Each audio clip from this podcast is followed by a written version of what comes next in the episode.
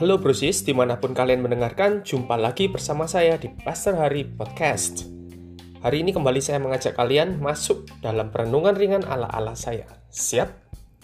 Kemarin saya share tentang perjalanan saya di Kalimantan. Hari ini saya bawa kalian mengalami apa yang saya alami di kota Kinabalu, Malaysia Timur.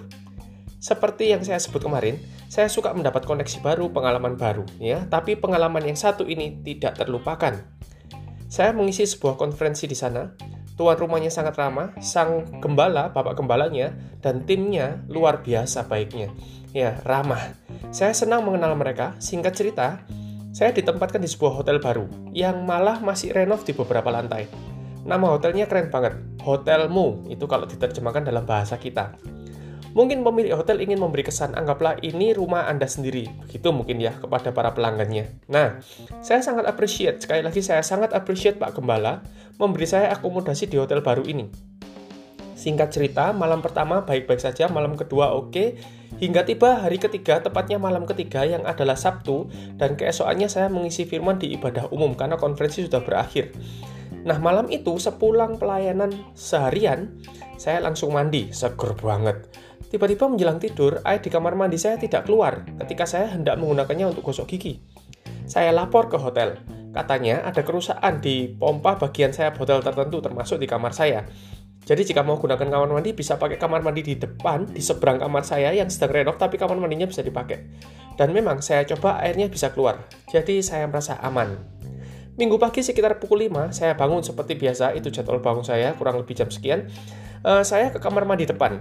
Lah, ternyata air tidak keluar juga. Saya langsung bingung. Gimana enggak? Saya harus pelayanan pagi itu dan tidak ada air buat mandi. Saya lapor ke hotelnya. Saya bilang, gimana airnya kok nggak keluar juga? Mereka bilang, maaf pak, kami hanya karyawan. Saya sempat marah. Mereka bilang, kami sudah laporkan ke pemilik sejak semalam, bahkan tadi pagi juga. Katanya masih nunggu tukang pompa, tukang pompa langganannya. Lalu saya diarahkan mandi di kamar mandi, ya lebih tepatnya toilet di depan meja resepsionis. Dan ternyata sambil saya berbicara itu ada banyak tamu lain juga ke kamar mandi itu kayaknya habis komplain juga dan diarahkan ke sana. Gila nggak sih? Akhirnya, saya mandi di WC yang sempit dengan posisi yang tidak nyaman. Ah, mau nggak mandi? Wah, urapannya bisa double nanti kalau nggak mandi. Nah, seumur-umur ini pertama kalinya saya mandi di WC umum. Wow, keren. Saya jadi ingat ayat ini. Nggak ada hubungannya dengan WC ayatnya ya. Nih, perhatikan. Kolose 3.23. Apa pun yang kamu perbuat, perbuatlah dengan segenap hatimu seperti untuk Tuhan dan bukan untuk manusia. Pekerjaan apa saja yang diberikan padamu, hendaklah kamu mengerjakannya dengan sepenuh hati, seolah-olah Tuhanlah yang kalian layani dan bukan hanya manusia. Maksud saya itu begini ya.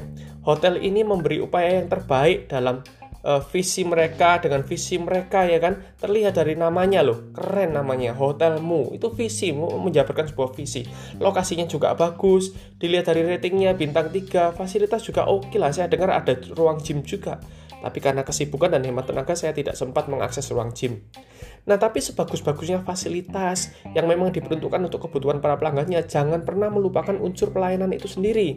Tanpa pelayanan yang memuaskan, sia-sialah fasilitas dan nama baik. Sia-sialah budget besar yang dikeluarkan demi sebuah nama baik atau fasilitas yang keren. Sang pemilik rupanya tidak memikirkan hingga ke arah sana. Apakah di kota itu hanya ada satu tenaga saja untuk reparasi pompa sehingga pelanggan harus dikorbankan hari itu? Hmm, jawab sendiri. Mari kita tarik ini dalam kehidupan kita apa yang kita rancangkan atau bahkan kita lakukan dalam hidup ini akan sia-sia jika fokus kita bukan untuk Tuhan. Atau fokus kita memang sudah untuk Tuhan, tapi kita tidak sungguh-sungguh dalam menjalankannya. Mungkinkah kita hanya mengedepankan nama kita di atas pelayanan? Mungkinkah kita hanya mendahulukan image kita dalam memberi diri buat Tuhan? Apa pun yang dipercayakan Tuhan kepadamu sampai hari ini untuk dijalani, untuk dilakukan, untuk dikerjakan, entah kalian yang sekolah, yang kerja, yang punya usaha sendiri, dalam bidang apa pun lah, dalam segala sektor hidup ini, pastikan kalian melakukan segenap hati. Melakukannya dengan segenap hati seolah-olah untuk Tuhan itu kata Paulus di Kolose tadi ya. Karena sebenarnya pada akhirnya, perhatikan ini baik-baik, apa pun yang kita kerjakan memang untuk Tuhan. Untuk kemuliaan nama Tuhan, bukan untuk kita sendiri. Dan sore itu di kota Kinabalu, sore itu setelah pelayanan ibadah, Pak Gembala merasa nggak enak sama saya. Dia baru dengar itu dari anak buahnya, dari timnya, karena saya memang ceritakan pada mereka apa yang saya alami. Dia marah pada pihak hotel, dan saya dipindahkan oleh Pak Gembala untuk malam terakhir itu ke hotel lain. Nah, saya benar-benar menghargai Pak Gembala ini. Orangnya rendah hati dan sangat luar biasa. Dan dia benar-benar menyesal mengetahui itu. Saya bilang, wah itu bukan salahnya Pak Gembala, tidak ada hubungannya dengan Pak Gembala. Tapi terima kasih buat semua effort yang sudah diperbuat buat saya. Well, intinya, guys, proses di mana pun kalian berada, yuk kita melakukan yang terbaik. Kita memberikan yang terbaik buat Tuhan dalam segala apa yang kita kerjakan. Oke, itu intinya. Semoga ini memberkati kalian.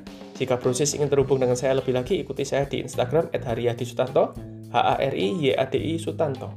Tuhan memberkati. God loves you.